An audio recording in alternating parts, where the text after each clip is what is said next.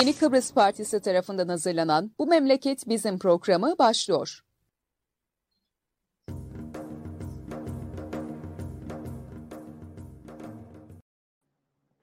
Evet, Yeni Kıbrıs Partisi'nin hazırlayıp sunduğu Bu Memleket Bizim programının 155. özel yayınındayız. Bugün ben Murat Kanatlı, Niday Mesudoğlu ve Kemal Güçven'le beraberiz.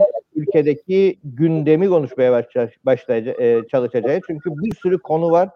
Bir sürü de konuşacak başlık var. E, konuşabildiğimiz oranda konuşacağız. Günaydınlar. Günaydın, günaydın Murat, günaydın Niday. Herkese Kemal. günaydın. Herkese günaydın. Evet, e, başlamadan önce canlı yayınları YKB'nin Facebook sayfasından, Twitter'in periskobundan ve YouTube'dan paylaşırsanız, her ne zaman seyrediyorsanız bu görüşler ve düşünceler daha çok insana ulaşır. Bu nedenle sizden ricamız lütfen yayınları paylaşın diye ricamızı yeniden hatırlatalım, yeniden söyleyelim. Çünkü e, belli ki bu kanallar üzerinden e, belli görüşlerimizi e, e, duyurabiliyoruz. Önemli. Evet, e, geçen haftalarda çok e, bir sürü olay yaşadık, bir sürü konu yaşadık. E, önce bir genel değerlendirme yaparsak e, kimden başlayalım? Kemal Hoca senden başlayalım bu defa.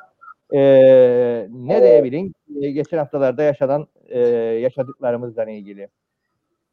Murat, e, memlekette genel bir değerlendirme yapalım.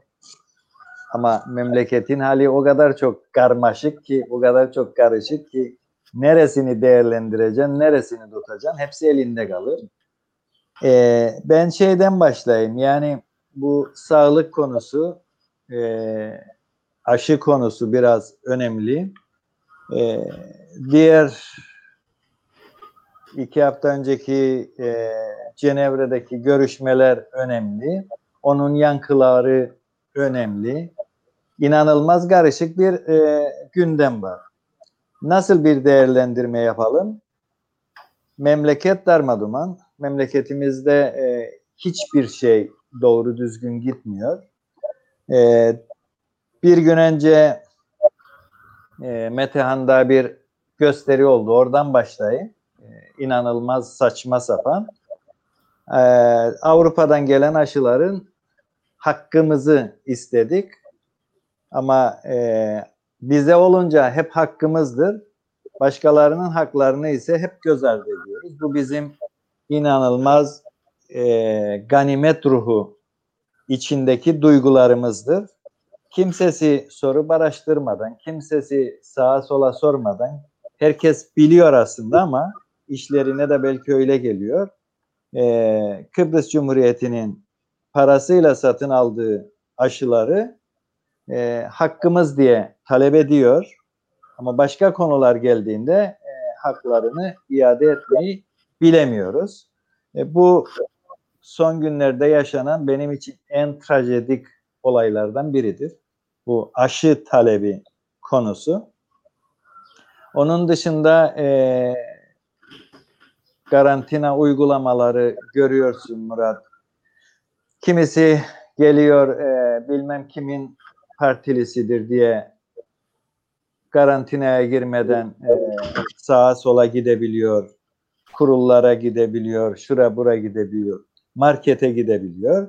Ama kimisi bütün kurallara uymasına rağmen e, geçiş kapılarından senin gibi geçemiyor. E, sağlık için seyahatimiz e, inanılmaz kısıtlandı. Bunlar hepsi varken gerçekten neyi değerlendireceğimizi, nasıl yapacağımızı e, ben toparlayamıyorum. Çünkü her şey darmaduma, her şey karma karışık. Neresinden tutsan elinde kalıyor.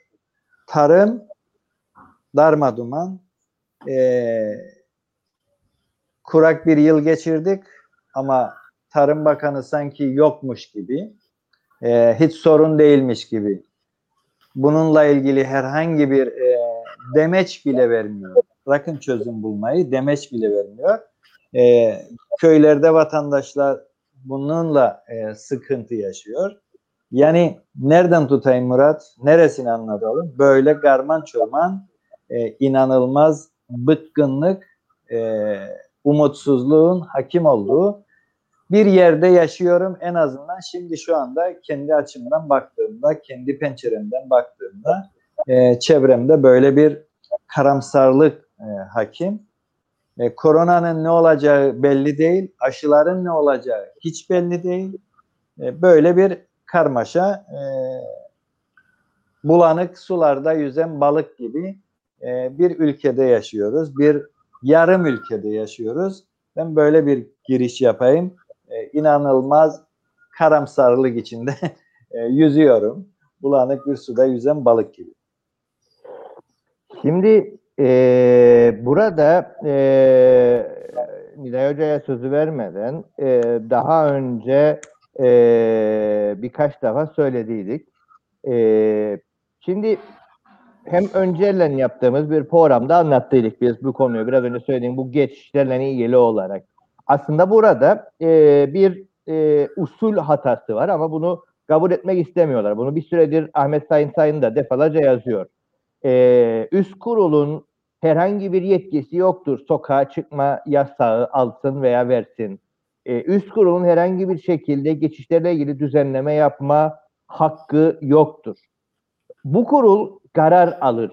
Der ki geçişlerle ilgili kısıtlansın.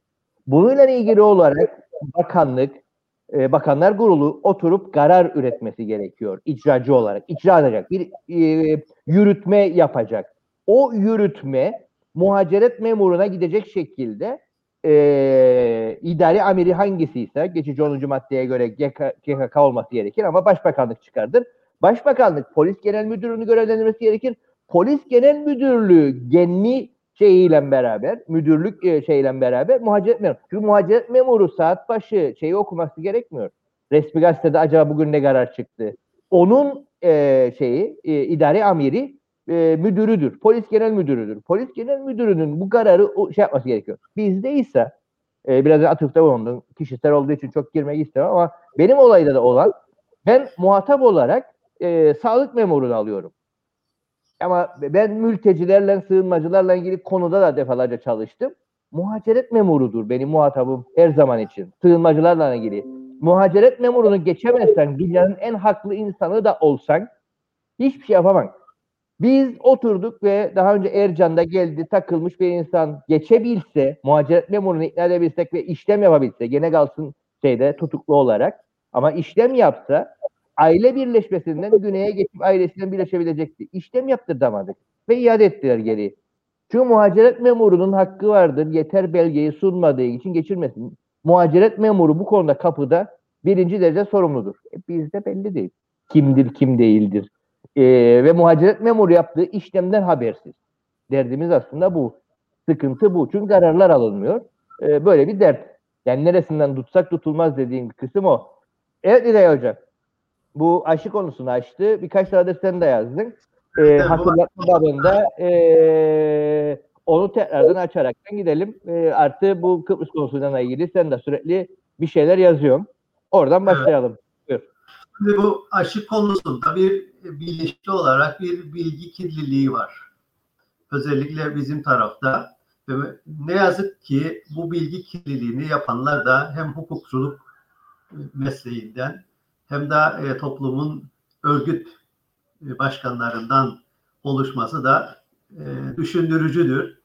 Örneğin e, Cumhuriyet e, CTP'nin Cumhuriyetçi Türk Partisi CTP'nin başkanı Tuğhan Erhürman her e, platformda e, aşıların e, Kıbrıs Türklerin hakkı olduğunu ve bu hakkın Rumlar tarafından e, yerine getirilmediğini, verilmediğini e, her platformda söyler. E, ekonomik Örgütler Platformu bunun üzerine geçen gün e, bir eylem yaptı Metehan kapısında.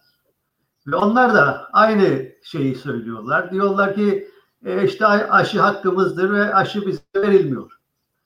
Aynı şekilde Cafer Gürcafer yaptığı açıklamalarda da hep aynı şeyi söylerler. E, biz bu konuda bir e, e, basın bildirisi yayınlamak istedik. Fakat gazetelerin hiçbiri yayına değer bulmadı. Çünkü bu aşı konusunda gerçekten bir bilgi kirliliği vardır. Şimdi tabii ki E, Erhürman'ın mesleği hukukçudur. Benim haddim değildir ona hukukçuluk dersi vermek. E, ne de hakkımdır böyle bir e, akademisyene bunu hatırlatmak ama ben sabahleyin yaptığım bir araştırmada e, hukuktaki hak kavramının şöyle açıklandığını okudum. Kişilerin hukuk düzeni tarafından korunmaya değer bulunmuş menfaatlerini ifade eder. Kişisel bir menfaate hak olma niteliğini hukuk düzeni tarafından korunmaya değer bulunmasıdır.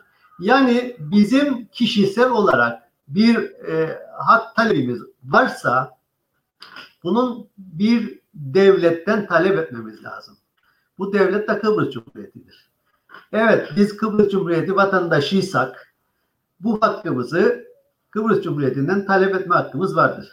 Ama bu talep bireysel bir haktır. Siz bunu e, Kıbrıs Türk toplumunun e, Kıbrıs e, milletvekili olarak bizim hakkımız verilmedi diyerekten e, ortaya böyle bir söylemle çıkarsanız bu doğru bir şey değil. Birincisi bu. İkincisi Kıbrıs Cumhuriyeti Avrupa Birliği üyesidir ve Avrupa Birliği aldığı bir kararla e, Sinova, e, şey, e, bu pandemi dönemindeki aşı alımını merkezi olarak alınması konusunda anlaştılar ve dediler ki biz bunu merkezi yapalım hem zaman kaybı hem pazarlık e, süresi bakımından e, uzun bir süreyi e, kullanmayalım ve bu şekilde üye ülkelere dediler ki aşı programınızı ve ihtiyaçlarınızı aşı, aşı ihtiyaçlarınızı bize, bize bildirin. Bu aşamada Kıbrıs Cumhuriyeti e, Akıncı ve Anastasiadis'in de e, görüş birliğine varmasıyla Kıbrıs Cumhuriyeti Kıbrıslı Türklerin aşı ihtiyaçlarını da kendi programlarına koyarak bu aşı talebini Avrupa Birliği'ne iletti. Kıbrıs Cumhuriyeti 1 milyon 200 bin aşı talebi yaptı. Bunun içerisinde Kıbrıslı Türklerin talebi 400 bin aşıydı ve bu sayı e, ilave edilerek e, veya belli bir orana göre belirlenerek Avrupa Birliği'ne sunuldu. Gelen aşılar ne yazık ki birçok insan sanki Avrupa Birliği Kıbrıslı Türklere hibe aşı göndermiş de Rumlar bunu vermiyormuş gibi bir algı ile e, yaymaya çalıştılar. Oysa gerçek bu değil. Kıbrıs Cumhuriyeti e, kendi vatandaşlarının kullanımı için bu sayıyı talep etti. Kıbrıslı Türkleri kastediyorum burada. Güney, kuzeyde olan Kıbrıs Cumhuriyeti vatandaşları için bu aşıları e, kendi programına koydu. Hatta e, ben e, edindiğim bilgiye, bilgiye göre de e, Kıbrıslı Türkler bu aşı programını hazırlamakta da çok başarılı olmadılar. Başarısız bir aşı programı hazırladılar. E, bu aşı programının hazırlanmasında da Kıbrıs Cumhuriyeti'nin yetkilileri yardımcı oldular. Bazı pandemi döneminde e, kuzeye verilen e, sağlıkla ilgili araçlar da ne yazık ki bizim e, yetkililer tarafından kabul edilmedi. Kabul edilmemesinin sebebi de tahmin edersiniz ki e, Avrupa Birliği üzerinden gelmedi. Kıbrıs Cumhuriyeti'nden biz böyle bir şeyi almayız düşüncesine. Bütün bu olumsuzluklara rağmen, bütün bu olumsuzluklar ve bu gerçeklere rağmen biz hala diyoruz ki e, Avrupa Birliği'nin gönderdiği aşıları e, Rum, e, Rum tarafı bize vermiyor. Oysa olay şudur. Nasıl ki Kıp, e, Türkiye Cumhuriyeti buraya aşı veriyor kendi inisiyatifiyle aynı şekilde Kıbrıs Cumhuriyeti de kendi inisiyatifiyle e, kuzeye aşı veriyor. İkisi arasında pek bir fark yoktur. İster verir ister vermez. Kimse kimseyi zorlayamaz. Çünkü biz Kıbrıs Cumhuriyeti'nin e, maliyesine katkı yapan bir toplum değiliz şu anda. Dolayısıyla bu aşıların parası bize verilen aşıların parası da e, Kıbrıslı Rumların verdikleri vergilerden sağlanan bütçeyle yapılmaktadır. Bunu özellikle belirtmek isteriz ki bu hakkın nereden geldiğini e, bilmemiz lazım. her zaman aynı şekilde söylüyor Tuğhan Erdoğan. Bizim hakkımız yüzde yirmidir. Yüzde altı bile vermediler. Ben e, araştırdım yani bu hak nerededir? Bir e, oran veriyorsa e, bunun bir dayanağı olması lazım ve maalesef bunun bir dayanağı yok. Sadece söylüyorlar. Ama aynı şekilde bunun Türkiye'ye Türkiye bu yönde hiçbir bizim burada TC vatandaşı şu kadar insan var. Bu insanların aşılaması için Türkiye'den de şu kadar aşı gelmesi gerekir diye hiçbir habere de rastlamadım. Sadece sadece duyduğum e, işte e, Rum tarafı bize hakkımız olan aşıları vermiyor. Bunu düzeltmek lazım. İnsanların bunu bilmesi lazım. Bu tabii ki hoş karşılanmaz ama işin gerçeği de budur.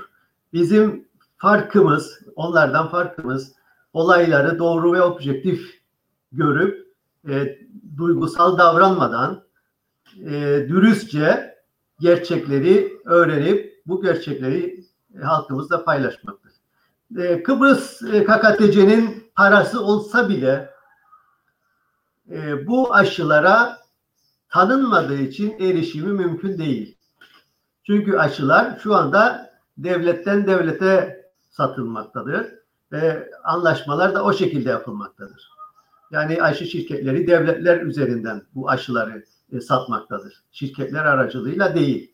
Dolayısıyla e, KKTC'nin parası olsa bile bunu mutlaka e, bir başka devletin üzerinden kendisini tanıyan bir devlet üzerinden alması lazım ki bu zaten e, böyle bir imkanı da maalesef e, parası olarak, ekonomik olarak e, yoktur. Bu bakımdan e, aşı konusunu e, bu şekilde e, açıklamakta yarar var. E, Burada İnsanlar, bir, bir noktacı daha bir noktacı daha söylemek gerekir. Ee, yani sıkıntılı kısmı e, bunu daha önce de yaşadık. Yani bu geçişlerin de sorunudur. E, maalesef bizimkiler e, iki toplumlu sağlık komitesiyle çalışmayı reddediyorlar. Rapor vermediler. Bu aşıyla da ilgili olarak e, bir aşı programı talep edildi ve bu aşı programı iletilmedi. Yani bir aşı gelecek iletilmedi. Bu yapılmadı. E, işte Pfizer'in temsilcisi Kıbrıs'tadırdı. Yani in, espri olsun diye söyleyelim. Yani bu aşı şey değil e, başka ilaçları da yapıyor bu şirket. E, yani işte çok popüler olduğu için söyleyelim. Viagra'nın da üreticisidir aynı zamanda. Burada da şey var yani temsilcisi var Kıbrıs'ta da güneyde de. Kuzeye geçip bu aşılanma prosedürüyle ilgili yardım etme ve bilgi almak istedi. Kuzeye geçirmediler insanları. Böylesi bir durumda Böyle bir hal var ortada. Buna rağmen bir geçiş sağlanıyor. Ama nedir? 30 Mayıs'ta da güneyde bir seçim var. Anastasiadis da zaten istediği oranda gelmeyen aşıları bir de Kıbrıs'ı Türklerle paylaşma niyetinde de değil. O bakımdan da bunların da arkasına sığınarak çünkü milliyetçi bir dalganın üzerinden seçim yapacak. O da o milliyetçi dalgaya sığınarak olabildiğince minimum gönderiyor ama uluslararası kamuoyuna da bak ben vatandaşlarıma da aşı gönderiyorum propagandası da yapıyor. Yani ortada aslında çift kötülük var. Bunu da e, ortaya koymak gerekiyor.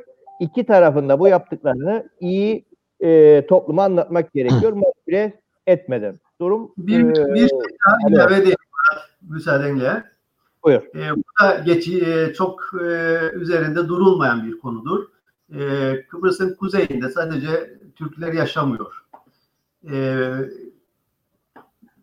Viyana 3. Viyana Anlaşması ile ilgili nüfus aktarımı olduğunda e, ikinci maddede e, Kıbrıslı Rumların e, kendi doktorlarından sağlık hizmeti alabilme haklarının da olduğu yazıldı zamanında. Ve bu aşı döneminde e, Kıbrıslı Rumlar isterlerse e, güneyden aşılanmak için e, doktor sa- sağlık hizmeti talep edebilirler ve bunu bu anlaşmalar sağlar. Tabii ki burada gene bizimkiler neler e, ne engeller çıkarılacak çıkaracaklar bilemem ama tahmin ederek yani sonuçta. Oysa e, Karpaz'da yaşayan ya da Maroniler ya da Karpaz'da yaşayan Rumlar e, bu anlaşmanın ikinci maddesine göre e, sağlık hizmeti istedikleri doktordan, istedikleri makamdan sağlık hizmeti alabilirler ve bunu talep etme hakları da vardır. Bu hiçbir zaman da gündeme getirilmedi. E, Rum tarafı da bunu e, gündeme getirmedi. E, buradaki insanlar da e, zaten e, sesleri pek çıkmıyor, duyulmuyor. Çıkaramıyorlar. Bir avuç kaldılar. Fakat böyle bir hakları da olduğunu e, hem Kıbrıs Cumhuriyeti e, bilmesi lazım hem de KKTC'nin bu hakkı e, vermesi lazım bu insanlara. En azından e, aşı programı içerisine e, Rum tarafı aşı programı içerisinde bu insanların aşılamasını da koyarak e, bu hizmeti ayaklarına e, Karpaz'a ya da Maronitlerin yaşadığı yerlere götürebilme hakkı bu anlaşmaya göre vardır. Bunu da e, ilave edeyim. Ee, Murat küçük bir şey ekleyeyim bu konuyla ilgili. Şimdi Buyur. bu şikayette bulunduğumuz kişiler ya da gruplarla ilgili bu insanlar aslında eee, bizim beklentilerimizi yerine getirecek niyette olan insanlar değil. Bu insanlar işbirlikçidir. Bu insanlar iki toplumu birbirinden ayırmak için algı algı operasyonlarını yürütmeye yardımcı insanlar. Yani bunların görevi aslında eee, toplumları toplumların huzurunu, mutluluğunu, sağlığını eee, sağlayacak tedbirler alma pozisyonunda değiller. Bunların tam tersine pozisyonları eee, iki toplumu birbirinden uzaklaştıracak, birbirini düşmana dönüştürecek algılar yaratmak. Dolayısıyla bu insanları böyle görüp değerlendirmek lazımdır. Ee, Viyana Anlaşması'nda ya da e, başka yerlerde insani hakların sağlanması yönünde bir sorunları, dertleri yoktur. Ya da kuzeyde yaşayan insanların huzuru, mutluluğu, sağlığıyla ilgili bir sorunları yoktur. Bunu net bir şekilde koymamız lazım. Ama bunun arkasına saklanıp her noktada, her koşulda algımızı, toplumun algısını değiştirmeye çalışıp Kıbrıs'ta var olan e, statikoyu sağlamlaştırmaya çalışıyorlar. Bir sürü yalanla işte bu aşı programında da az önce anlatılanlar üzerinden evet bu aşılarla ilgili nasıl bir algı yaratıyorlar? Evet işte görün ey ahali zaten sizin düşmanınızdır. Sağlığınızı bile düşünmüyor. Algısını yaratmaya çalışıyor. Ne üzerinden? Yüzde yüz yalan üzerinden. Yani dolayısıyla e, bunlardan medet ummak da çok e, iyi bir beklenti değildir. E, ama güneydeki e, yönetim de e, en az bunlara bu kadar yardımcı olabilir. Çünkü sağ, faşizm, ırkçılık birbirini besleyen iki e, durumdur. Ya da iki taraftaki ırkçılar, iki taraftaki faşistler aslında birbirini besliyorlar ve bunu Kıbrıs'ta e, her zaman görüyoruz. Elam'ın durumunda da bunları hep yaşıyoruz. E, birbirine prim veriyorlar. Birbirinin yükselmesini sağlıyorlar. Biz her ne kadar engel olmaya çalışıyorsak bu e, ırkçı davranışların, bu yanlış söylemlerin yayılmasını sözlerimizle, eylemlerimizle anlatmaya çalışsak da bunların görevi e, bunu artırmaktır. E, statikonun devamını sağlamak için her türlü yalana başvuracaklar. Gündemde ne varsa da onu kullanıyorlar. Bugün aşı var, evet bugün aşıyı kullanacaklar ve görün ey ahali işte hakkımız olanını bile vermiyorlar. E, kendi centlerinden çıkmıyormuş gibi yapıp Avrupa Birliği'nin gönderdiğini bile çalıyorlar. Bize hakkımızı teslim etmiyorlar diye e, ortalıkta e, dolaşıyorlar. Bunu anlatıyorlar. Ve medyada, hakim medyada bunu yaydığı için e, toplum evet bunları öğreniyor. Umut ederim bizim söylediklerimizi de e, dinleyenler, araştıranlar olur ve onların yalanları da e, daha az etkili olur diye düşünüyorum. Evet Nidal Hocam devam et. Buyur. Evet, bu sağlıkla ilgili, bu aşılarla ilgili tabii konuşulması gereken çok şeyler var ama maalesef e, konuştuklarımız belli bir yerlere kadar gidebilir. Medyanın e, onların kontrolünde olması nedeniyle medya e, onların sözünü söyler ve okuyanlar da onların söylediklerinin doğru olduğuna inanır. Tabii ki burada senin söylediğin de önemlidir Murat. Çünkü e, ben bu konuda Rum tarafından bizim söyle, söylediklerimizi doğrulayıcı bilgilere ulaşmaya çalıştım ama maalesef onlarda da e, açık açık e, biz Türk tarafına gönderdiğimiz aşıların parasını Kıbrıs Cumhuriyeti olarak ödüyoruz diye bir ifadeye de rastlamadım. Bu da senin de bahsettiğin gibi seçim öncesi e, özellikle bu sağcıların hışmına uğramamak için e, gizli tutulup ya da yanlış yönlendirilerek e, kurtulmaya çalışılıyor bu baskılardan.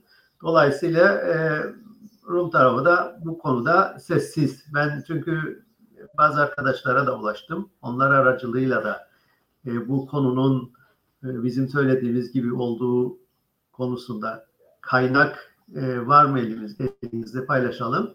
E, yoktur dediler bize de. Sadece bizim ulaştığımız bilgilere e, veriyorlar. Sağlık e, Rum tarafındaki iki toplumlu sağlık örgütünün açıklamaları, e, e, gene Kıbrıs Cumhuriyeti Sağlık Bakanlığı'nın açıklamaları, e, aşıların veril, verildiğini bildiren açıklamalar. Fakat e, bunun parasını biz ödüyoruz demekten de çekiniyorlar.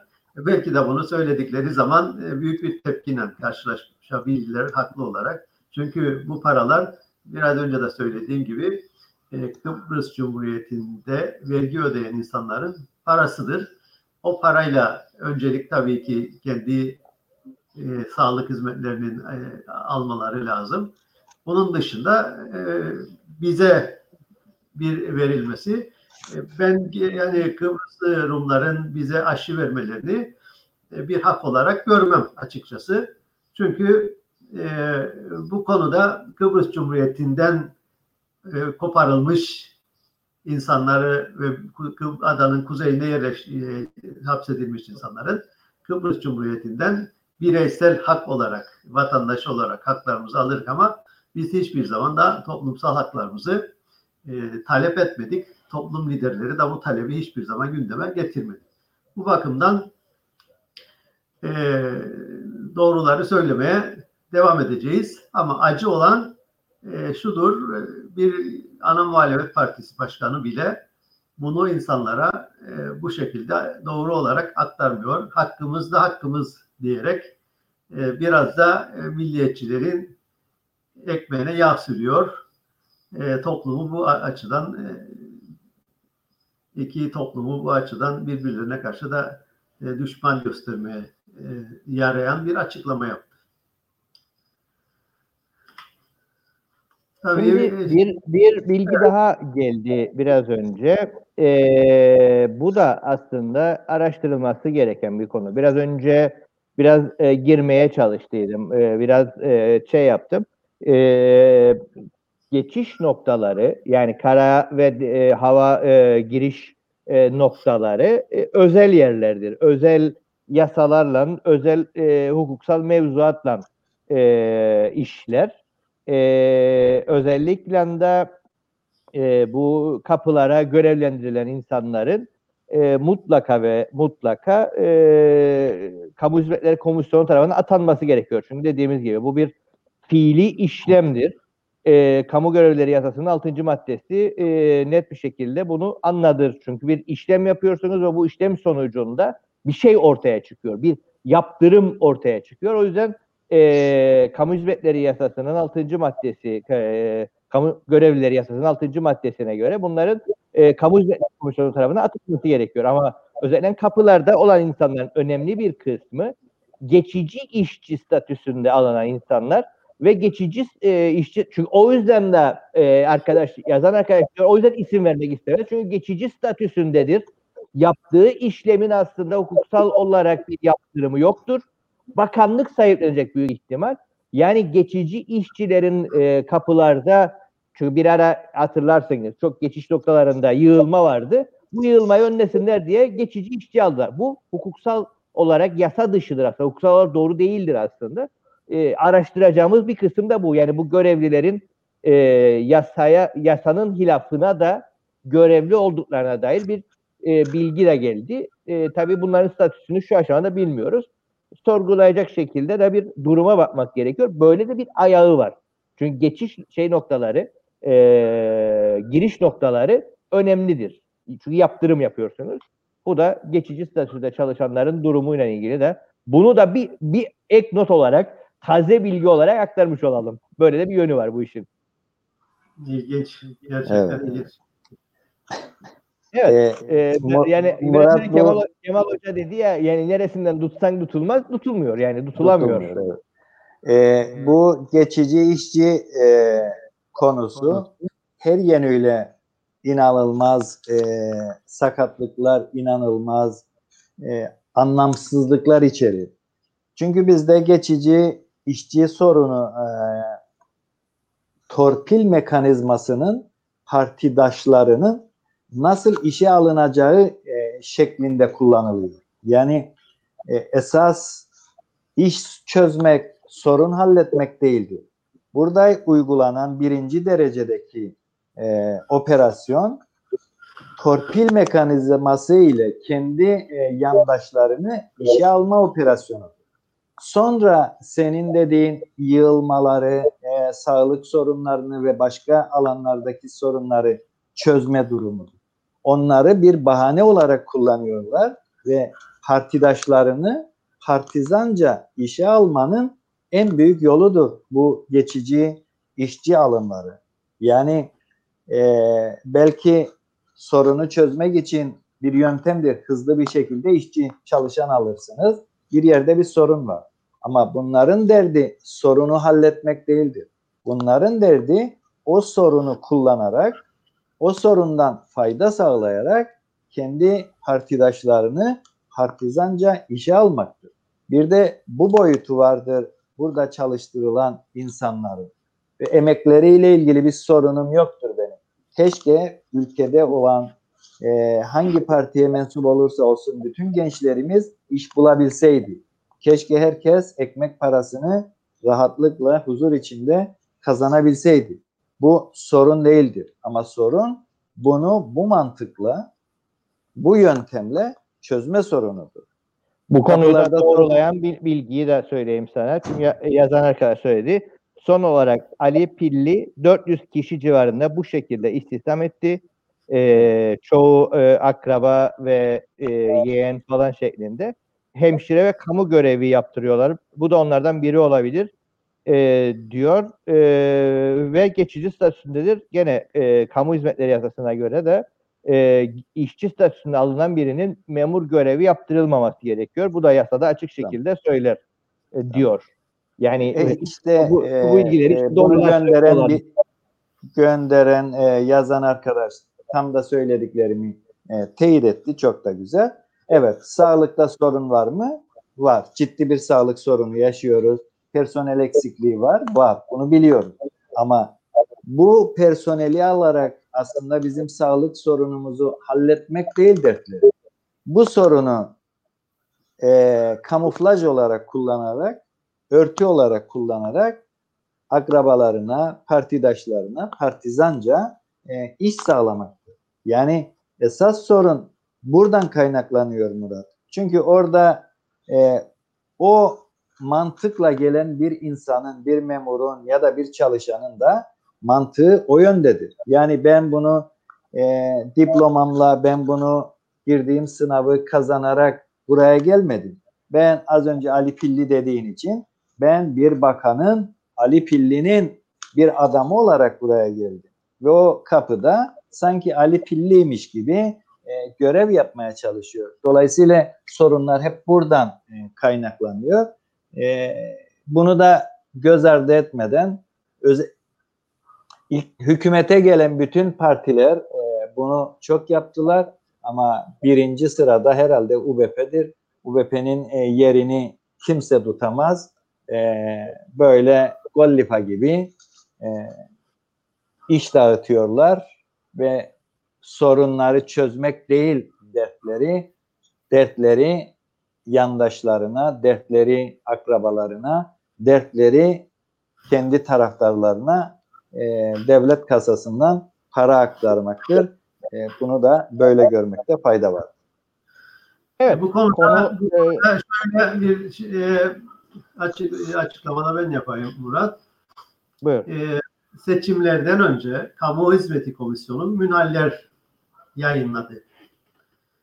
Bu münhallere yüzlerce kişi başvurdu. Fakat seçim yasakları girdi. Ardından pandemi nedeniyle bu sınavlar sürekli ertelendi ve şu anda belirsiz bir tarihe kimse bilmiyor. Müracaatlar yapıldı, e, harçlar yatırıldı, sınav harçları yatırıldı. Fakat bu dönemde e, torpille işe alma döneminde sanırım bütün bu münhaller hep dolduruldu. Dolduruldu der, derken biraz önce söylediğiniz geçici statüde alındı ve hizmetler bu şekilde sürdürülüyor. Tabii öne sürdükleri gerekçe yapılmamasının için öne sürdükleri gerekçe de pandemi koşulları. Oysa geçenlerde öğretmen alımlarıyla ilgili sınavlar yapıldı ve bu sınavlar diğer e, münhaller için de demek ki yapılabilir. Fakat yapılmıyor ve aldıkları geçiciler bu boş yerleri e, doldurmaktadırlar. Ha, bu ne getirir? Bu haksız bir rekabet de getirir. Çünkü 3 ay o görevde yapan bir insan meslekle ilgili bazı bilgileri hem çalışırken hem e, yakın arkadaşlarından öğrenir. Kaldı ki e, ben Kamu Hizmeti Komisyonu'nun çok da dürüst çalıştığını hiçbir zaman düşünmedim. Çünkü zaten memleketin, devletin yapısı e, buna müsaade etmez. Soruların verilmesi, e, torpil mekanizması, e, her şey, aklınıza gelen her şey bu memlekette yapılabilir, yasal olmayan her şey. Yasal olarak hakkınızı arayacaksanız da aylarca gidip mahkemelerde sürünmeniz gerekir. Bu da size verilen başka bir cezadır. Bu bakımdan devletin tutulacak hiçbir şeyi kalmamıştır. Her tarafı çürüktür. Neresi el atsanız elinizde kalır. E, bu e, hem sağlıktadır, eğitimdedir, e, kamu hizmetindedir. Nereye bakarsanız bakın bu görüntüleri mutlaka görürsünüz. Evet devam edelim. Ee, bu, bu konuda biraz, biraz dakıldık ama dakılmak gerekiyordu. Ee, evet Niday Hocam, e, Kıbrıs konusundaki şeye de gelirsek, e, halimize, halsizliğimize de gelirsek, e, en sonunda gitmek üzereydiler, gittiler geldiler. Evet. Görüşmelerden bahsediyorsun tabii. Evet.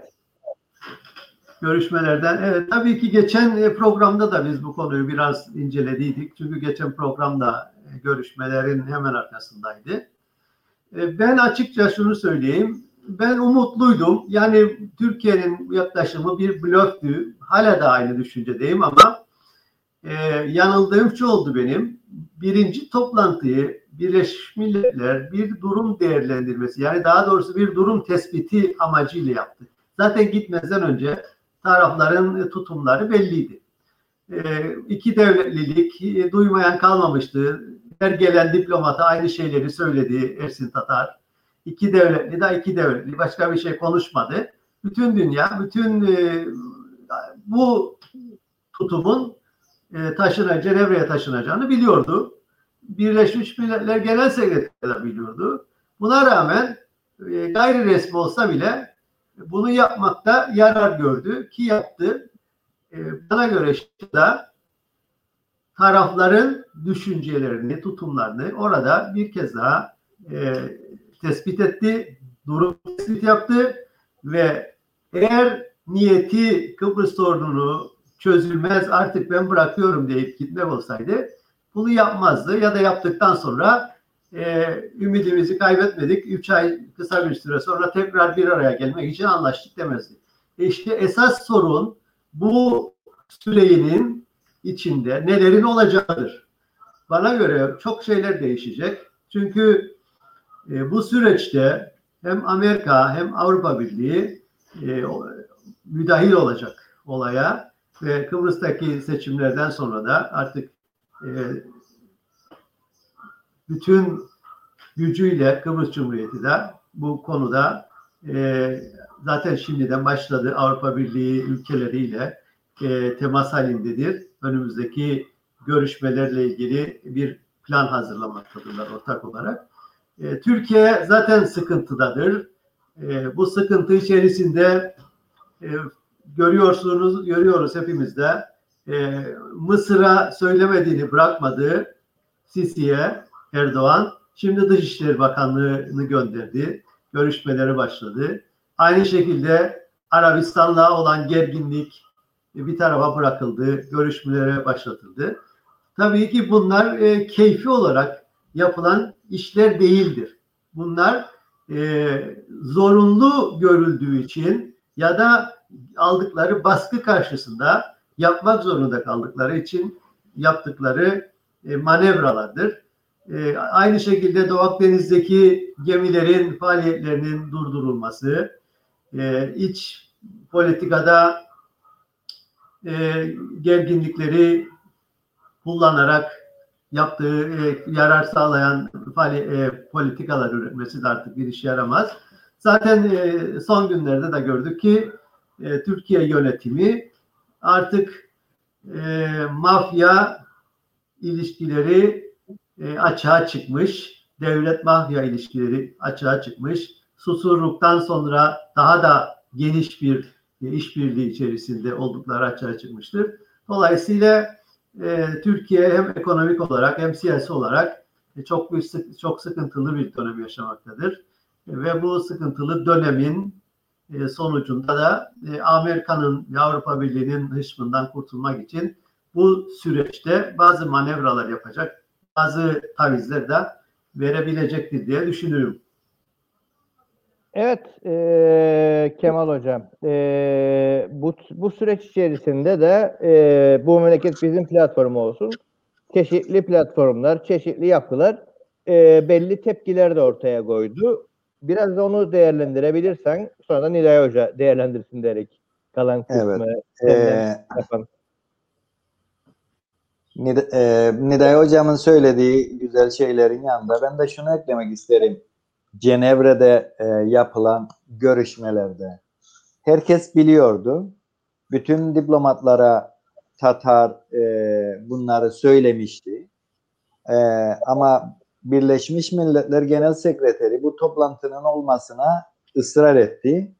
E, ben Niday Hocam gibi e, Türkiye Cumhuriyeti Devleti'ni yönetenlerin çark edebileceğini e, düşünenlerdendim. Ama bunun yanında şunu da e, düşündüm. Birleşmiş Milletler sanıyorum bu e, anlaşmadan uzak tutumu teyit ettirmek istedi. E, Birleşmiş Milletler gözetiminde adı her ne kadar gayri resmi de olsa bu bir toplantıydı ve bu bir resmi toplantıydı. Orada herkes e, imzasını koydu adı gayri resmiydi. E, daha önce de söyledim bunu çok e, mantıklı bulmuyorum. İsmi gayri resmi ama burada bir toplantı yapıyorsunuz. E, söylenenler, yazılan, yapılanların hepsi kayıtlara geçiyor. Şimdi kayıtlara geçmesi doğru anlamında değildir. Bütün dünya kabul ettiği e, anlamında değil. Siz öksürseniz bile orada e, kaydı tutan e, memur sizin öksürdüğünüzü bile yazıyor oraya. Dolayısıyla kayıtlara geçmesi e, doğruluğunu kanıtlamaz. E, Tatar'ın dediği gibi kayıtlara geçirdi. E, bunu e, herkes kayıtlara geçirdi, herkes biliyor. Ama o gayri resmi toplantı aslında bana göre e, Türkiye'nin tutumunu kayıt altına almanın başka bir de e, alanı oldu, yeri oldu ve bundan sonraki dünyanın e, tutumu da bu görüşmelerde e, ortaya konanın e, üzerinden gidecek. Ve Nidai hocama e, katılıyorum. Bundan sonra Türkiye Cumhuriyeti Devleti'nin ve dolayısıyla uydusu olan ya da alt yönetimi olan ya da işgali altında olan hangi e, tanımı kullanırsak kullanalım hepsi e, yer bulur. e, buradaki alt yönetimin söylediği, Tatar'ın söylediği aslında Türkiye Cumhuriyeti'nin söylediği olduğunu herkes bilir. Bu e, bizim söylememiz değil. Birleşmiş Milletler de bunu böyle e, görüyor. Şimdi bunun üzerinden Türkiye Cumhuriyeti Devleti'ne gelecek e, baskılarda evet 1960'da haklı bir e, anlaşma üzerinden haklı bir durum üzerinden Kıbrıs'a yaptığı müdahalenin nasıl bu hale geldiğini Kıbrıs Cumhuriyeti'ni yıkılmasını engelleme garantörlüğünü bugün kendisi yıkma pozisyonunda olduğunu e, teyit et. Bu aslında çok önemli bir şeydir bana göre. Yani 1960'da verilen görev, garantörlük görevi Kıbrıs Cumhuriyeti'nin herhangi bir durumda yıkılmasını, dağılmasını ve daha bir sürü maddeleri var. Önlemek üzere bir garantörlüğü var. Kıbrıs Türk halkının garantörü olmadığını kendisi de biliyor, herkes biliyor. Ama bugün 2021'de Kıbrıs Cumhuriyeti'ni yıkmayı teyit eden bir e, altı maddelik bir öneri sundular. Bu aslında Türkiye Cumhuriyeti Devleti'nin kendi ayağına sıktığı bir kurşun değil, bir şarjör dolusu kurşundur. Yani kendi ayağına sıktığı bir kurşundur. 1960'da 59'da elde ettiği garantörlük haklarının ne kadar kötüye kullandığını yapmaması gerekenin ya da engellemesi gerektiği şeyi bugün yapar duruma geldiğini biz biliyorduk aslında, söylüyorduk da ama bu e, görüşmede evet Türkiye Cumhuriyeti Tatar'a biz artık Kıbrıs'ın yarısını hatta imkan verirlerse tümünü ilhak etmek istiyoruz. E, isteğimiz budur şeklindeki bir e, durumdur bu, duruştur bu. Bu aslında e, benim için bir milattır. Çünkü resmen kayıtlara geçirildi. Denktaş zamanında da aynı şeyler söylendi. Hep ayrılıkçı şunlar bunlar. Ama bu Türkiye Cumhuriyeti e, tarafından da e, son görüşmede teyit altına alındı. Ve emin olun bundan sonraki e, görüşmelerde bunun üzerinden Türkiye Cumhuriyeti'ne e, artık dur deme zamanı geldiğini e, herkes, hepimiz hissedecek. Umut ederim böyle olur. Ama bunun yanında bir şeyi daha söylemek lazım e, Murat. Biliyorsunuz dünya kapitalizmle e, yönetilen yönetim şekilleriyle şekillenmiş bir dünyada yaşıyor. Ve ekonomik çıkarlar ülkelerin ve şirketlerin hiçbir zaman insan haklarının e, altında kalmıyor. Ekonomik çıkarlar, şirketlerin ve devletlerin çıkarları insan hayatının çok daha üstünde önemlidir. Yani dolayısıyla Kıbrıs'ta 100 tane, 500 tane, 2000 tane, 100 bin tane e, Kıbrıslı Türk yok olacak, mutsuzdur, e, dertleri yoktur. Bunu kesinlikle bir tarafa koyuyoruz. Ama burada yaşayan Kıbrıslı Türkler üzerinden Kıbrıs'ın konumunu konumlandırmak, şey, şekillendirmektir onlar için önemli olan. Yani Kıbrıs'ın Türkleri değil önemli olan Doğu Akdeniz'deki petroldur. Doğu Akdeniz'deki e, yeraltı zenginlikleridir. Ki biz bunu aslında çıkmasını da istemiyoruz. Bu dünyanın e, sonunu hızlandıran faaliyetlerdir. Onu da söylüyoruz ama e, ekonomik sistem bunları ille de çıkaracak. Keşke hepsi yerinde kalabilse. Dolayısıyla Murat biraz toparlayayım dağıttığım gibi görünüyor. Türkiye Cumhuriyeti'nin önümüzdeki günlerde bu e, yönde başı epey ağrıyacaktır. Çünkü yaptığı hataları tescil ettirmiştir. Bu talebiyle evet ben Kıbrıs'ı ilhak etmek istiyorumu kesin bir dille Tatar ağzıyla söyletmiştir. Ve bunu bütün dünya Birleşmiş Milletler de dahil bu altı maddelik e, önerinin aslında son saat Çavuşoğlu'nun e, bir kağıtçık olarak bir e, not olarak Tatar'ın eline tutuşturduğunu herkes biliyor ve bunu böyle algılıyor. Türkiye Cumhuriyeti bunun arkasına işte Tatar söyledi, e, bizim haberimiz yoktu ya da biz sadece destekledik diyemezler. Bunu herkes biliyor. Dolayısıyla önümüzdeki günlerde Kıbrıs konusunun daha sıcak gelişmelere gebe olacağını düşünüyorum. Eğer biz de burada yaşayan insanlar olarak e, Türkçe konuşan, Rumca konuşan insanlar da kendimize bir fayda sağlamak istiyorsak evet biz de sokaklarda, e, yollarda, meydanlarda e, haklarımızı dile getirmeliyiz, savunmalıyız. Yoksa dediğim gibi e, büyük şirketler, büyük ülkeler kendi menfaatleri için e, Orta Doğu'yu yeniden şekillendiriyorlar. Kıbrıs da bunun içindedir. Bize ne düşer bilmem. Biz bir şey talep etmediğimiz sürece de e, bize bir şey düşeceğini de e, çok umut etmiyor.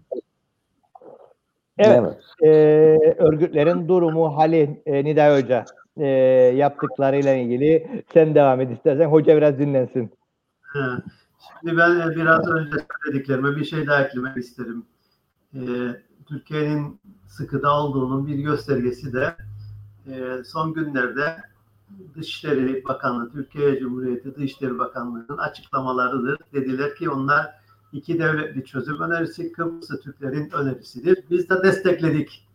Aynı şekilde aynı günlerde, aynı saatlerde e, burada e, Tatar da aynı şeyleri söyleme, söyledi. E, bu bizim önerimizdir. Biz bu öneriyi Türkiye'ye götürdük. Onlar da memnuniyetle karşıladılar ve desteklediler. Tabii ki buna gülerek e, hiç gerçekçi bir açıklama değildir ama e, Türkiye bu açıklamayı yapma gereğini duyduysa bunun bir sebebi olması gerekir. E, bu suçun içinden e, sıyrılmanın e, çabası içerisindedir bana göre ve topu Kıbrıs'ta Türklere Ersin Tatar attı. Oysa e, daha Ersin seçilmeden iki devletli çözüm fikri Türkiye'de Dışişleri Bakanlığı'nda Erdoğan'ın da bilgisi dahilinde atıl, e, atılmıştı. Hatta Erdoğan federasyon federasyon öldü diye bir açıklama yapmıştı. Ve o günden sonra iki devletli çözümü e, burada seslendirmeye başladılar. Bunu bir e, not olarak e, ilave edeyim. E, bunun dışında örgütler maalesef maalesef diyorum e, Kıbrıs sorununa bakış açılarında ortak değiller.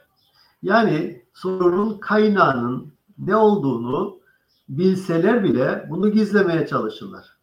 Biz diyoruz ki bu sorunun kaynağı Türkiye'nin buradaki müdahalesidir. Bir işgal rejiminin olmasıdır. Onlar da diyor ki hayır bu sorunun kaynağı Ersin Tatar'dır. Sanki Ersin Tatar'ın yerinde işte X, Y, Z kişisi olsa bütün sorunlar çözülecekmiş gibi e, topluma bir umut pompalıyorlar. Bu gerçekçi değildir. Bunun gerçekçi olmadığını zaten bu toplum e, geçmiş dönemlerde seçtiği e, cumhurbaşkanlarıyla da gördü. E, dolayısıyla e, bu söylemi bir kenara bırakmaları gerekir. Gerçek nedenin bütün sorunlarının sorunların kaynağının e, ne olduğunu gördükleri halde söylememek bu topluma yapılacak en büyük suçlardan biridir. Tabii ki bu birbirine bağlı örgütler e, ağız birletmişçesine e, Türkiye'ye hiçbir zaman e, toz kondurmuyorlar. E, toz kondurma niye sorduğumuz zaman niye gerçekleri söylemiyorsunuz, niye e, eleştirmiyorsunuz yapılanları, Türkiye'de ya da burada yapılanları. E, biz onların iç işlerine karışırsak onlar da bizim iç işlerimize karışacaklar diye e, komik bir e, gerekçe sunuyorlar. E, tabii ki inanan var, inanmayan var ama e, söyledikleri hiç de doğru değil. E, Türkiye artık e, tam bir diktatörlükle yönetiliyor ve bu konuyla ilgili e, solcu, sosyalist olduğunu söyleyen e, örgütler, partiler e, gıklarını çıkarmıyorlar. Görmezden geliyorlar ve e, bu görmezden gelerek e, bunun karşılığı olarak da iktidarın kendilerine bir şekilde verileceğini sanıyorlar. Oysa bizim derdimiz e, iktidar sorunu değildir. İktidara kimin hangi partinin geleceği değildir. Bizim sorunumuz e, bu topraklarda kendi kendimizi yöneten bir toplum olarak var olmaktır. Şimdi benim aklıma başka bir şey daha gelir. Bu tabii ki e, Rumları da ilgilendirir. Bugünkü koşullar belki el vermez ama ileride e, gündeme gelebilir. 2023 hedefi olarak gündeme gelebilir. O günün koşulları ne olacak pek bilemeyiz ama e, eğer Türkiye KTC'yi ilhak edecek bir duruma gelirse bu senaryo karşısında ne Kıbrıslı Rumların ne de Kıbrıslı Türklerin bir planı yoktur. Yani günü geldiğinde Türkiye'de bir karar alınır, gece oturur Erdoğan ve der ki kanun hükmündeki kararla Kıbrıs'ın kuzeyini ilhak ettim dediği zaman bu konuda Kıbrıslı Rumların nasıl bir tepki göstereceğini açıkça merak ederim. Bir savaş durumu söz konusu olmayacaktır elbette ama e, Kıbrıs net Kıbrıslı Türklerin ne de Kıbrıslı Rumların bu en kötü senaryo karşısında yapacaklarını içeren bir planları da ne yazık ki yoktur ya da varsa da gizlidir ama benim aklımın aldığı kadarıyla yapabilecekleri protesto etmekten başka bir şey değildir. Çünkü çünkü emperyalist devletler kimin hangi devleti işgal ettiğinden çok ne kadar faydalı olduğuna bakarlar işin. Eğer bu fayda sağlayacaksa, emperyalizme fayda sağlayacaksa, Amerika'ya, NATO'ya fayda sağlayacaklarsa hiç de e, Kıbrıslı Türklerin ya da Kıbrıslı Rumların bağırmalarına, çağırmalarına kulak vereceklerini düşünmemek lazım. İşte bu plan, bu durumda e, bizim ortaya çıkarmamız gereken plan e, hem bu adanın birleşmesi hem de böyle bir tehdit karşısında ortak mücadelenin nasıl yapılabileceğinin şimdiden düşünülmesi lazımdır. Ne yazık ki bu konuda e, bu ileri görüş ya da bu konuda belki olur belki olmaz diye düşünürler ama en kötü senaryoya karşı hazırlıklı olmak lazım. E, bunu göremeyenler, bu tehdidi göremeyenler e, bu adaya ve bu topluma çok büyük e, haksızlık etmiş olacaklar ve e, bu toplum bu adada yaşayan insanlar da bunun acısını hep birlikte çekeceğiz. O bakımdan Kıbrıslı Rumlar da, Kıbrıslı Türkler de akıllarını başlarına toplayıp bu tehlikenin geleceğini isteyerek şimdiden e, güçlerini birleşip birleştirip e, beraber mücadele etmenin ne kadar gerekli olduğunu bir kere daha düşünmelerini isterim. Evet. E, Niday Hocam'a e, küçük bir ekleme yapmak isterim. Az önce e, birçok örgütün, partinin durumunu anlattı Niday Hocam. Bugün gözler önüne serilmiş olan durumu görmek istemeyen gözlerin, kafaların, yapıların önümüzdeki e, olası bir süreci biz nasıl e, 1989'da e, Yeni Kıbrıs kurulurken vilayetleştirmeye hayır sloganıyla o günden 30 yıl önce tam 30 yıl önce e, 32 yıl önce bunu dile getirdik. Bunu e, anlatmaya çalıştık. Üzerinden 32 yıl geçti ve buna adım adım nasıl gelindiğini e, Niday hocam az önce söyledi. Buna karşı bir duruş geliştirmemiz lazım, hazırlıklı olmamız lazım dedi. E, ama günümüzde yaşananları dikkate alamıyorsak önümüzdeki gelecekte olanı nasıl dikkate alacağız? E, nasıl bir değişime uğrayacak bu e, dostlarımız, bu birlikte yürümemiz gereken, mücadele etmemiz gereken insanlar o duruma nasıl gelecek doğrusu e, düşünemiyorum. Yani günümüz önümüzde olanı görmüyorsa e, geleceği tespit etmeleri zor. Ama nedir durum e, Niday Hocam? Murad'ım. Bugünkü menfaat ve çıkarlar bugünkü menfaat ve çıkarlar e, bir yerlerde oturma, bir yerlere gelebilme sevdası, beklentisi e, gelecekteki yok oluşumuza zemin hazırlıyor. Ben bunu e, çok net hissediyorum. Bugünkü küçük çıkarlar e, gelecekteki ülkenin varlığını tehdit eden tehditleri görmezden gelmemizi e, sağlıyor. Gör, görmemezlikten gelmelerini sağlıyor. Aslında Kıbrıslıca bir deyim var. E, sinda gulle getsin. E, tam da o noktadayız. Hep siniyoruz. Aslında gullenin geldiğini görüyoruz ama sanıyorum e, gulle geçmeyecek. E, gulle sineceğiz ve tam da e, üstümüze, tam da tepemize düşecek ve o gulle hepimizin e, zaten yok olma durumunda durumuna girdik. Zaten yok oluyoruz. E, ama o gulle üzerimize düşüp tümden e, yok olmamızı e, sağlayacak. Böyle bir e, durumda olduğumu düşünüyorum. İşimiz zor. E, moralim biraz bozuk bu gidişatla. E, bilemiyorum. Yani umudumu hiç kaybetmezken bu son yaşananlar, bu tip olaylar e, içimi çok kararttı.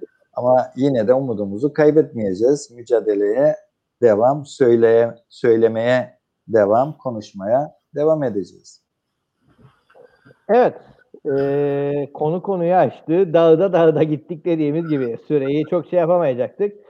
E, Nilay Hoca toparlayalım yavaş yavaş. Bir saati doldurduk. Doldurduk. E, son Bu kadar oldu mu? Evet. Bir saat bir dakika. Bir saat iki dakika oldu. Şimdi Murat bir de e, benim gündemimde bu Filistin konusu vardı yanı başımızda. E, Ona da bir değinmek isterim kısacası. Tabii tabii. O önemli, o, o ciddi bir konu, o önemli bir konu. Değinmek Evet. gerek. Tabii ki Filistin konusundaki en büyük sıkıntı e, hem e, İsrail içinde hem de Filistinliler içerisindeki e, aşırı dinci ve milliyetçi örgütlerdir. Daha önce Filistin Kurtuluş Örgütü e, sol düşünceyle bir ulusal kurtuluş mücadelesi veriyordu ama şimdi maalesef e, dine dayalı Hamas örgütü ile e, El Fethi örgütünün e, bir iktidar savaşı vardır. Ve El Fethi örgütünün e, Mahmut Abbas'ın 22 Mayıs'ta yapılacak olan seçimleri ertelemesi e, Hamas örgütünü bir yerde öfkelendirdi ve bu nedenle e, zaten ayrışma içerisinde olan bu Hamas'la El Fethi örgütü e, bir çekişme içerisine girdiler ve e, Hamas bir taraftan bir e, barut fıçısı, öbür taraftan İsrailli aşırı dincilerin oluşturduğu bir barut fıçısı. Bu barut fıçılarının patlatılması için de bir kıvılcım gerekirdi. Bu kıvılcım bu provokasyonlar nedeniyle de yapıldı. Yani burada e, Türkiye medyasında anlatıldığı gibi işte İsrail e, şu kadar insan öldürdü, şu kadar çocuk öldürdü. Bunlar tabii ki olmaması gereken şeyler. Yalan değil ama bir de bunların oluş sebeplerini ortaya koymak lazım. E, iki tarafta da aşırı dinci unsurlar var. Ve bu aşırı dinci unsurların e, ortak bölgeleri de e, Kudüs'teki e, kutsal yerler. Bu kutsal yerler onlar için kırmızı çizgidir. Dolayısıyla birbirlerine karşı düşmanlığın oluşması için de kullandıkları e, bir yöntemdir. Bu yöntemi kullandıkları için bir kıvılcımla bu barut fıçısı patladı. Burada e, Hamas da suçludur. İsrailli aşırı dinci gruplar da suçludur. E, çünkü birbirlerinin e, dini kutsal olarak, dinsel anlamda kutsal gördükleri e, mabetleri vardı ve bunların işte kullanımı kim tarafından kullanılacak, siz geleceksiniz, gelmeyeceksiniz. Yani e, tam da provokasyona uygun bir ortam hazırladılar. Daha sonra Hamas'ın füze atması, İsrail uçaklarının bombalaması ve özellikle Gazze şeridindeki nüfusun çok yoğun olması nedeniyle insanların ve çocukların ölmesi e, medyada e, hemen yer buldu. İşte İsrail saldırdı, e, çocuklar öldü, öldürüldü. Tabii ki e, böyle bir durumda insanın ölmemesi mu- mucizedir. Çocukların da ölmemesi mucizedir ama e, esas mesele konunun e, insan e, hak, insan e, hayatıyla ilgili olan yaşam hakkının ihlal edilmesidir. Ki burada e, insanın dini, dili, ırkı ne olması hiç önemli değil. E, birinin diğeri üzerinde üstünlük sağlaması için savaşı sebep göstermeleri e, insanların da ölümüne sebep olur. Suçsuz insanların ölümüne sebep olur. Ve bu acılar da yıllardır bu şekilde devam eder. Bunun çözümü e, insanların birbirlerine karşı olan saygısıdır. Yani insan hakkı kendinde gördüğü insan hakkının başkalarının da insan hakkı olduğunu hatırlamak lazım. Eğer e, bunu dinsel yönden tarihten gelen bir düşmanlık olarak görürsek ve e, bu e, aşırı dinciler bu terörizmi desteklerlerse bu işin sonu yoktur. O bakımdan din, aşırı din her zaman dünyanın neresinde olursa olsun insanlık için bir tehdittir ve ne yazık ki bu Filistin'de yıllardır devam etmektedir. Bu e, bakımdan e, İslamifobi dedikleri olay da aslında durduğu yerde çıkmamıştır. Avrupa'da bir İslam e, korkusu oluşmuşsa bunun tabii ki sebepleri vardır. E, yapılan Hamas'ın Hamas gibi aşırı dinci örgütlerin e, yaptıkları eylemler bu insanlara korku salmıştır. Haksız da değillerdir. Önemli olan bu insanların insan e, sevgisi merkezinde düşünmelerini sağlamaktır. Yoksa e, bu Filistin'deki acılar hiç bitmeyecektir. Ben bu bakımdan e, ne İsraillilerin ne de Filistinlilerin özellikle Hamas'ın temiz olduğunu düşünmüyorum. E, bu acılar geçer ama mutlaka tekrarlar. Eğer insanın insana değerini anlatamazsak, insan insana e, hoşgörüyle yaklaşamazsa, bakmazsa, insan insanın hayatını, yaşam hakkını e, korumayı düşünmezse bu acılar maalesef dünyanın her yerinde olduğu gibi e, bu Filistin'de de yıllarca ol, devam eder, devam etmeye devam da edecektir. Bu bakımdan ülkemiz, e, bölgemiz e, bir e, barut fıçısı gibidir.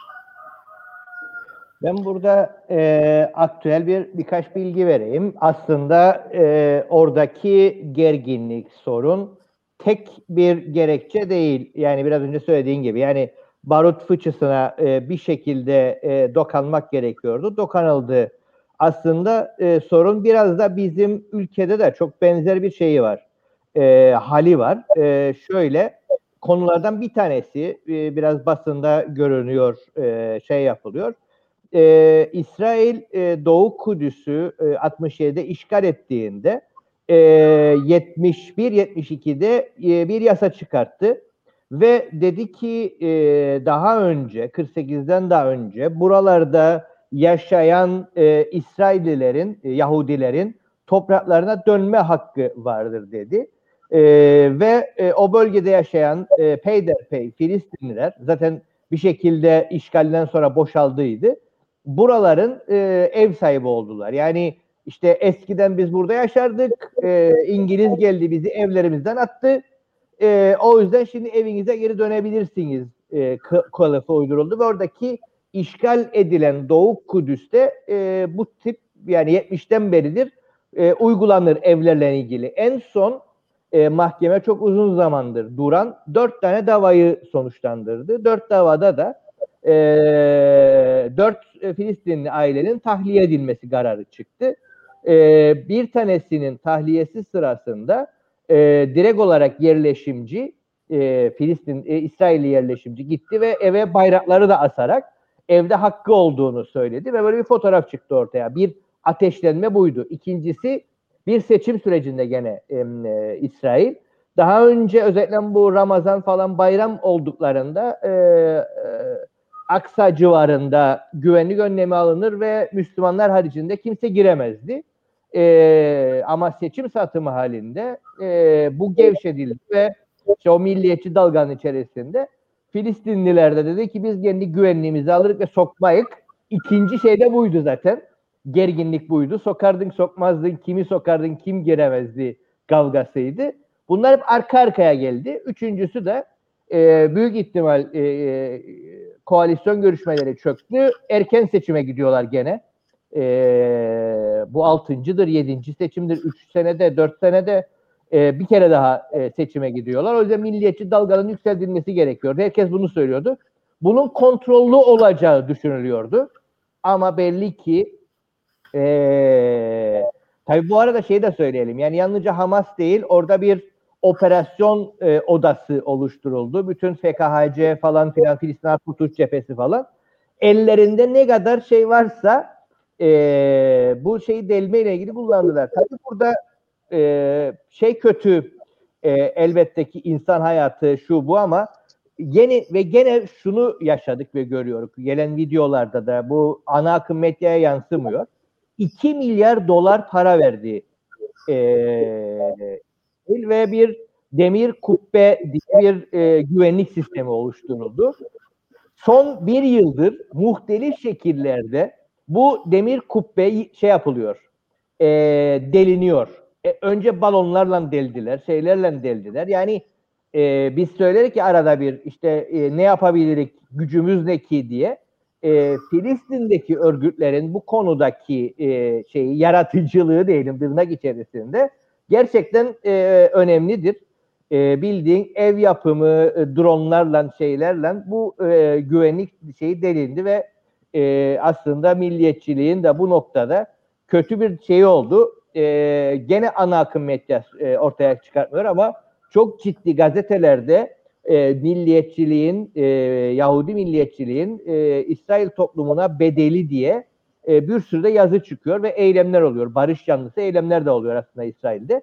O yüzden Amerika'da e, en son yapılan açıklamada bunun e, İsrail'i bir iç savaşa götürebileceği kaygısı dile getirildi. Bunlar hep önemli şeyler. Yani orada tek bir şey olmuyor. Tek bir e, yekün bir e, tartışma yok. Böyle bir durum var orada. E, çoklu bir kavga var. Durum o. Filistin evet. konusuyla ilgili Kemal Hoca söylemek istediği bir şey varsa buyur ve kapatalım. Ee, tamam. Ee, Filistin konusuyla ilgili aslında Murat biz Kıbrıslılar olarak bunları hep yaşadık. Denktaş anılarında dedi ki e, toplumun heyecanını yüksek tutmak için bu tip işler yapılabilir dedi. Bu tip işler yapılır dediği şey aslında caminin bombalanmasıdır. Yani provokasyonun e, yapılmasıdır ve bunu karşı tarafa e, yıkılmasıdır. E, Filistin'de de hep bunlar yaşanıyor. Yani provokasyon yaratmak için ortam zaten hazır. Aşırı e, dinci insanlar zaten sorgulamaktan yoksun, yoksun bir kültüre sahip değiller. Dolayısıyla eyvah Filistinli bombaladı, eyvah İsrailli bombaladı deyip savaşa girmek yeterlidir. Yani biz Kıbrıslılar olarak yaratılan provokasyonların nerelere geldiğini, nelere mal olduğunu bu ülkede yaşadık. Ülkemizin bölünmesine e, giden bir e, olaylar zinciridir provokasyonlar. Biliyoruz. E, EOKA'nın yapıp TMT'ye yüklediği, TMT'nin yapıp EOKA'ya yüklediği yüzlerce e, olay var. Toplumun algısını değiştirmek ve onların iktidarını devam ettirmek için yapılan operasyonlardır. Niday Hocam bunları barut fıçısı olarak nitelendirdi. Evet, bunlar kendi iktidarları için toplumların, halkların, insanların hayatını sıfıra denk e, düşecek şekilde düşünen e, duygulara sahip e, gruplardır, e, iktidarı elinde bulunduran e, topluluklardır. Dolayısıyla insan hakları, insan hayatı, insan yaşamı bizim gibi insanlar için önemlidir. Onlar için hiç de önemli değil. Bunlar ister 100 kişi olsun, ister 1000 kişi ölsün. İnan e, sayıdan öteye e, değer içermiyor insan hayatı bunlar için. Hatta onlara e, değer bile katıyorlar. İşte e, bu yolda şehit oldular. Dolayısıyla daha da değerlidirler. Ölüme daha da e, davetiye çıkarıyorlar. Biz ise insan yaşamının, insan hayatının dünyada en değerli, en korunması gereken bir e, hak olduğunu e, söylüyoruz ve doğrusu da budur. Her şeyin üstünde insan hayatı bizim için önemlidir. Bizim çabamızda hiç kimsenin burnu bile kanamasın. Herkes birbirinin haklarına e, saygı göstermesidir. Bunun dışında bir e, Filistin değerlendirmesini yaptınız zaten. E, söyleyecek çok bir şeyim yoktur.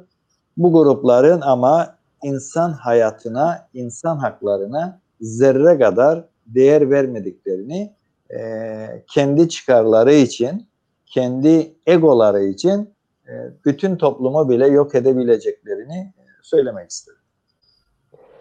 Evet.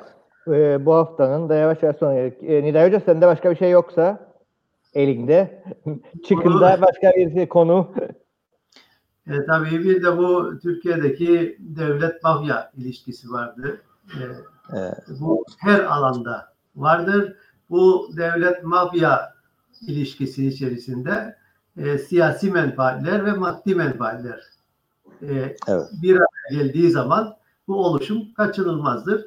Siyasi iktidarı elinde tutanlar e, onu koruyuculuğunu koruyuculuğuna soyunan bu mafya e, silahlı mafya gruplarına da maddi menfaat sağlamakla yükümlüdür. Bu şekilde al gülüm ver gülüm olunca da e, demokrasi diye bir şey olmaz. E, bir korku imparatorluğu oluşur. Ve bu korku imparatorluğu içerisinde de insanlar e, yaşam e, savaşı vermeye çalışırlar. E, Türk e, devlet yapılarında e, tarihten gelen bir özelliktir bu. Entrikalar, e, devleti ele geçirme, e, devletin gücünü kullanarak e, menfaat sağlama. Dolayısıyla e, Avrupa kapılarında e, yıllardır, yüzyıllardır bu şekilde e, Türk devletleri bekliyor, beklemeye de devam edecekler eğer bu kafayla gidilirse. İlginç olan bir şey daha vardır. E, İslamiyet, e, İslami inanç bu düzenin yaratıcısıdır aynı zamanda da. Filistin'de olsun, diğer Arap ülkelerinde olsun. Hiçbir zaman İslam e, bir hoşgörü dinidir diyerek başlarlar söz ama gerçekte İslam bir hoşgörü dini değildir ve bunun e, örnekleri vardır. Tarihte de örnekleri vardır. E, e, örnekleri vardır. E, IŞİD'in yaptıkları e, karşısında e, çıkanlar derler ki işte gerçek İslam bu değil. Bu gerçek İslam bu değil dedikleri olaylar e, peygamberin zamanında da yaşanmıştır. E, Yahudilerin e, esir alınıp da kafalarının kesildiği minyatür tarihten gelen minyatür resimler vardır ki o zamanın olaylarını anlatırlar. Dolayısıyla bu dini e, kin da hem Müsevilerin hem de Müslümanların birbirlerine karşı olan bu dini kini, din, dinsel dinlerine dayalı, inançlarına dayalı bu kin günümüzde de e, yansımalarını devam ettirmektedir. E, bir ay açıdan e, bu da e, dikkate alınması gereken bir konudur. O bakımdan e, İslam hoşgörü dinidir ya da İslamifobi e, doğru değildir düşüncesi yalandır. Çünkü bu düşünceyi oluşturan maddi sebepler e, tarihte de vardır, günümüzde de vardır. Dolayısıyla bu işler söylemekle e, olmuyor. Evet. Son söyleyeceklerim de bunlardı benim. Evet. Zaman- iki hafta sonra ga- ga- kaldığımız yerden devam edecek. Bunlar bunlar zaten belli ki mafya şeyleri konuşmaya devam ediyorlar. Konuştukça da daha da rezil işler çıkıyor ortaya. Evet, Ee, işte cinayetini bekliyoruz. Dört gözle dördüncü e, kasetini dün yayınladı e, Peker, Sedat Peker. E, bu dördüncü kasette de e, Adalı cinayetiyle ilgili bir bilgi yok. E, bekliyoruz bakalım hangi kasette Adalı cinayetini aydınlatacak e, bilgiler e, bize de ulaşacak. e, aslında videoları iyi seyretmek gerekiyor. Çünkü sürekli olarak da objelerle de bir şeyler söylüyor. Zaten onu söyledi. O objelere e, iyi bakmak gerekiyor. Muhtelif e, objeler koyup e, bunların yorumunu yapıyor. E, çünkü 3-5 tane e, e, analiz videosu seyrettim. E, aslında anlattığı olaylar, örneğin e, Erdoğan adını hiç geçirmez ama e, pelikan falan filan deyip pelikanlarla yapılan toplantı tarihlerine atıf yapıp aslında Erdoğan'ın da onlarla olduğunu söylüyor ama pazarlık payı bırakacak şekilde Erdoğan'a direkt hedef göstermiyor gibi yorumlar var. Yani tırnak içerisinde ustaca hazırlanmış bir video. Yani birilerinin elinden çıktı belli ki. Evet, mafya evet. Profesyonelce yapılır mafya. Çünkü Evet. her işi profesyonel. Cinayetler de dahil. Evet. Tabii bu Uzi e, us şeyi e, marka tabancalar işi, e, makinalı tüfekler işi e, bizde de zamanında çok konuşuldu. Çatlı olayı çoktan konuşuldu ve özellikle YKP'nin kurşunlandığında e, polis bunun e, Uzi tabancasıyla partinin kurşunlandığını söyledi. O dönemde de bunun e, herkesin elinde olmadığı, kimlerin elinde olunduğunu daha önce Yeni Çağ Gazetesi'nde defalarca yazdık. Kimsenin Evet. umurunda olmadı. Ee, bunu da e, geçerken yeniden hatırlatmış olalım. Ee, YKP de kurşunlandığında e, kurşunlar e, Uzi markalı bir makinalı tüfekten çıktıydı. Belki arada bizden de bahseder. bi- Bizi kurşunlayanlardan da bahseder arada. Söyle, söyleyecektim tam. Evet. Evet bugün gene e, bir sürü yorum vardı. Mustafa Gelenler, Ersin Yurdanoğlu, Rasıl Keskiner, Osman Yıldız, Serhan Gazioğlu ve Salih Taşkın e, Yaradana Kul e, yorumları, iyi yayınlar dilekleriyle katkı sağladılar. Sağ olsunlar. İzleyici de bayağı aktif gene devam ediyor. Aktif dinleyici şeyi, yorumu. E, dediğimiz gibi biz pazartesi, çarşamba, cuma yayınlarına devam ediyoruz. Pazartesi günü Alpay Durduran, Rasıl Keskiner, çarşamba günü e, Yılmaz Parlan, cuma günü de Halil Paşa ile beraber bu programlara devam edeceğiz. Bizi takip eden herkese teşekkürler. Herkese iyi hafta sonları. Herkes akıl sağlığını korumaya çalışsın. Çünkü memlekette saat başı bir şeyler oluyor. Ee, o bakımdan e, bu tartışmalarda sürdürelim. Herkese dediğimiz gibi iyi hafta sonları. Evet. Tüm karamsarlıklara rağmen e, umudumuzu kaybetmiyoruz. Kaybetmemeye devam ediyoruz. Umudumuz her zaman yolumuzu aydınlatacak. İyi Evet. hafta sonları herkese. İyi hafta sonları.